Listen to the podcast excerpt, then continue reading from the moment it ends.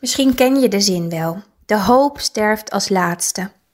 Ik vind het een prachtige zin en zo is het niet waar.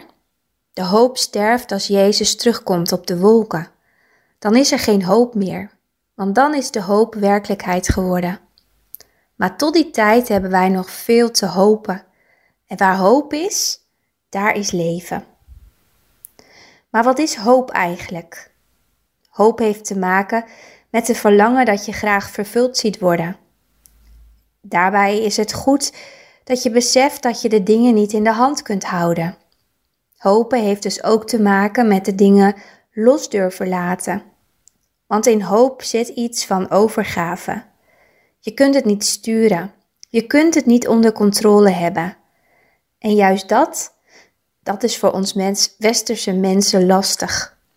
We hebben in deze maakbare wereld verleerd de dingen uit handen te geven. We lossen ze makkelijk zelf op door harder te werken, door tot het uiterste te gaan om een oplossing te vinden voor het probleem.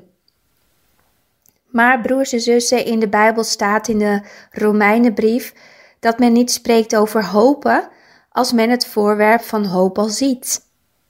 Want wat heb je dan nog om naar uit te kijken? Als je de kunst van hopen wilt ontdekken, vraagt dat geduld van je.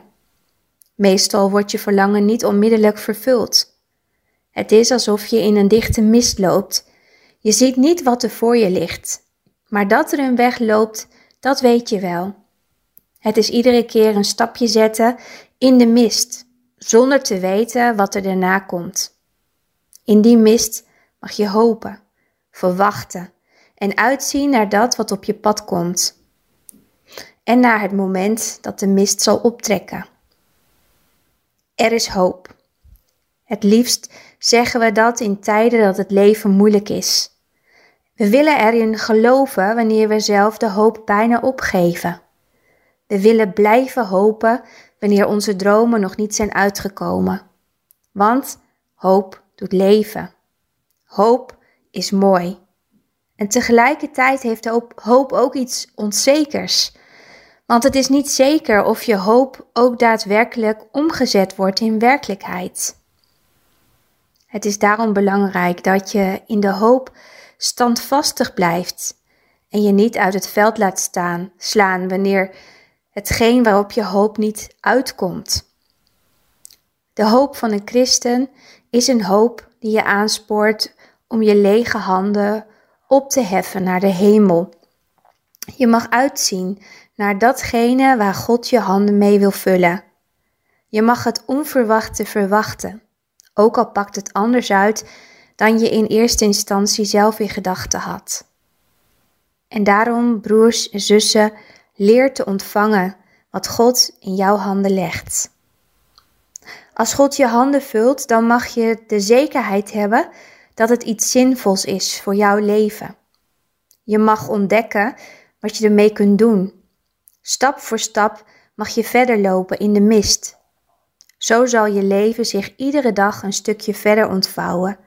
Iedere dag zal je een stapje dichter bij je bestemming brengen. Een stapje dichter bij de dag dat je Jezus zult ontmoeten. In die wetenschap hoef je niet telkens achterom te kijken of bang te zijn voor dat wat je nog staat te wachten aan ziekte of rampspoed. Je mag vooruitblikken en weten dat er een prachtige toekomst op je ligt te wachten. Dat is een hoop die werkelijkheid zal worden, want dat heeft God beloofd. Broers, zussen, de kunst van het hopen zit hem in loslaten en je lege handen opheffen naar God. Hij vult ze dan met precies die dingen die goed voor jou zijn. En daarom komt vandaag deze vraag op je af. Durf je daarop te vertrouwen?